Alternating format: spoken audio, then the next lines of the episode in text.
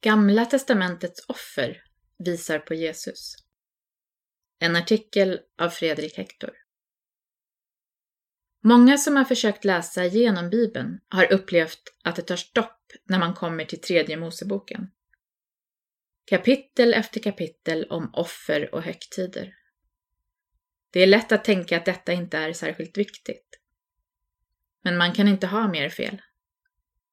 Förstår vi inte offren i Gamla testamentet har vi också svårt att förstå varför Jesus behövde dö.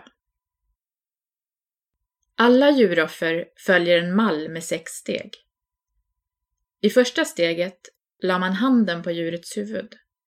Det är troligt att man också uttalade varför man offrade djuret. I andra steget slaktade och styckade man djuret. När man slaktade tömde man också djuret på blod. I tredje steget samlade man blodet i en skål. I det fjärde steget bar man fram blodet till altaret och i det femte steget stänkte man blodet på altaret. I det sjätte steget brände man delar av djuret på altaret. Skillnader mellan offren. Trots samma mall skilde sig också offren åt på några punkter. Det är där vi kan leta efter betydelsen av olika sorters offer. Brännoffer skilde sig från de andra offren i det sista steget. I brännoffret brändes hela djuret. Syndoffer skiljer sig från de andra offren därför att fokus var på blodet. Istället för att stänka blod på altaret så hällde man blodet vid sidan av altaret. Skuldoffer skiljer sig från de andra när det gäller själva offerdjuret. Det skulle nämligen vara ett extra dyrt djur. Alternativt kunde man ersätta djuret med pengar. Gemenskapsoffer skiljer sig från de andra offren genom att den som offrade fick äta en del av offret som en festmåltid i templet. Olika betydelser Man kan fundera lite på dessa skillnader. Varför gjorde man olika? Och vad kan det ha för betydelse? För att förstå det måste vi förstå att alla offer har något med människans relation till Gud att göra. Brännoffer, syndoffer och skuldoffer verkar ha med synd att göra. I brännoffret är det straffet som är i fokus. I Bibeln står det att syndens lön är döden. Men Gud tillåter att ett djurs liv ersätter människans liv. Djuret får ta människans dödsstraff.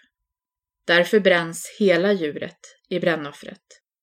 All synd ska bort. Varför behövde offer ske?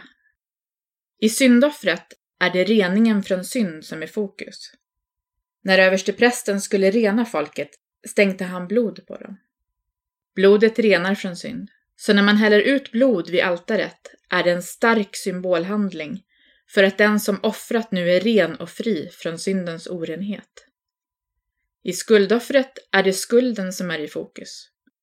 Den som offrar måste betala sin skuld inför Gud med ett extra dyrt djur. Det ska verkligen vara något man helst inte vill göra sig av med. Den som offrat skuldoffer är sedan skuldfri inför Gud. I gemenskapsoffret är det gemenskap och tacksamhet som är i fokus. Detta markeras med en glädjemåltid i templet. Rent konkret delade man måltid med Gud och hans präster. Måltiden var i Israel ett av de djupaste uttrycken för glädje och gemenskap. Därför var detta offer mycket viktigt. Det är också spännande att notera att gemenskapsoffret alltid skulle offras tillsammans med brännoffer. Utan att synden är utplånad finns det ingen gemenskap med Gud. Jesus är alla offer. Nya testamentet talar gång på gång om att Jesus är ett offer för våra synder. I Jesus död på korset så finns alla aspekterna från offren i Gamla testamentet med. Detta sammanfattas väldigt fint i nattvarden. Brödet bryts sönder. På samma sätt som Jesus kropp bröt sönder när han dog i ditt ställe. Han är ditt brännoffer. Jesus blod har renat dig från synden och nu får du helt konkret ta emot hans syndoffer i vinet i kalken. Jesus har betalat din skuld. I många kyrkor låter man därför brödet i nattvarden se ut som ett mynt.